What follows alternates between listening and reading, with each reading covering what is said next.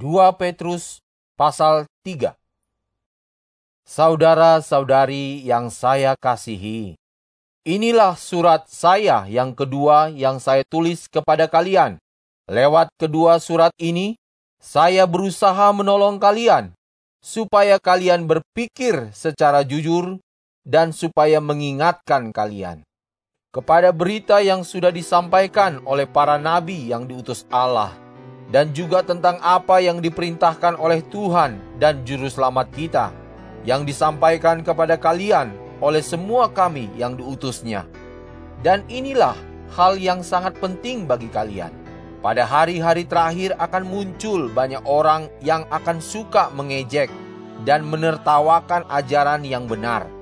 Mereka adalah orang yang suka mengikuti bermacam-macam keinginan mereka. Mereka akan mengatakan, Kristus sudah berjanji akan datang kembali. Di manakah dia? Nenek moyang kita sudah mati, tetapi segala sesuatu masih berjalan seperti biasa sejak penciptaan. Dengan berkata begitu, mereka sengaja melupakan kenyataan bahwa melalui perkataan Allah saja langit dan bumi diciptakan dan darat dikumpulkan di tengah-tengah air dan air itu menjadi alat yang dipakai Tuhan.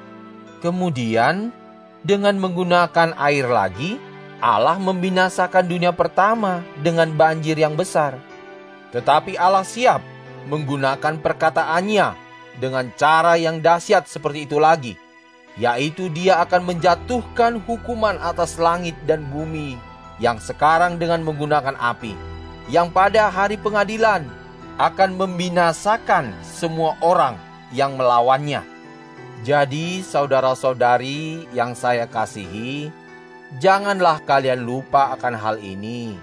Hitungan waktu bagi Tuhan dan bagi manusia tidak sama.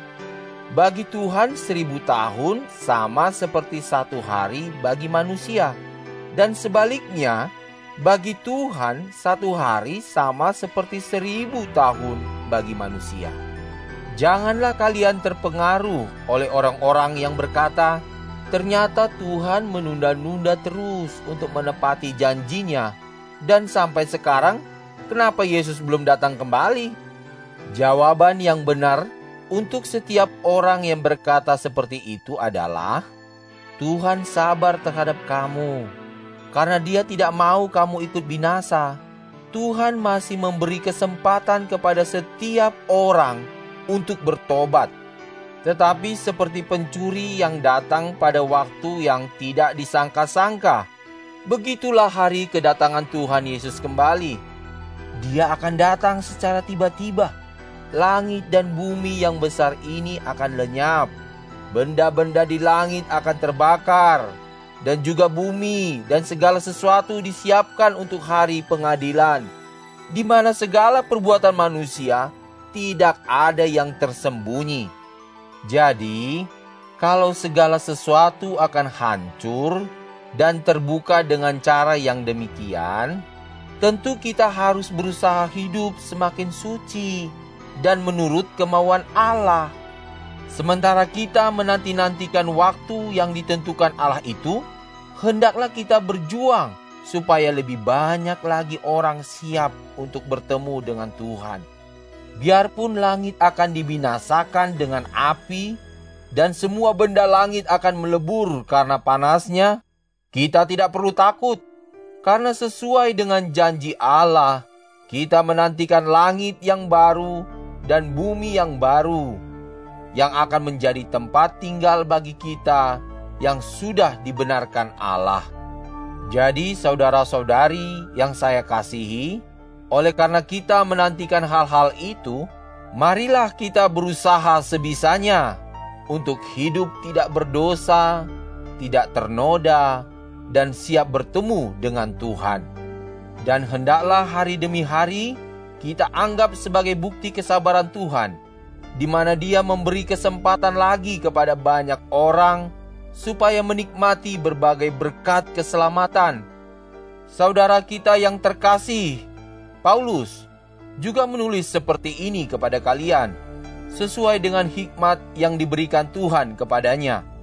Dalam semua suratnya, dia membicarakan tentang hal-hal ini. Dan dalam surat-suratnya itu juga terdapat beberapa hal yang sulit dimengerti.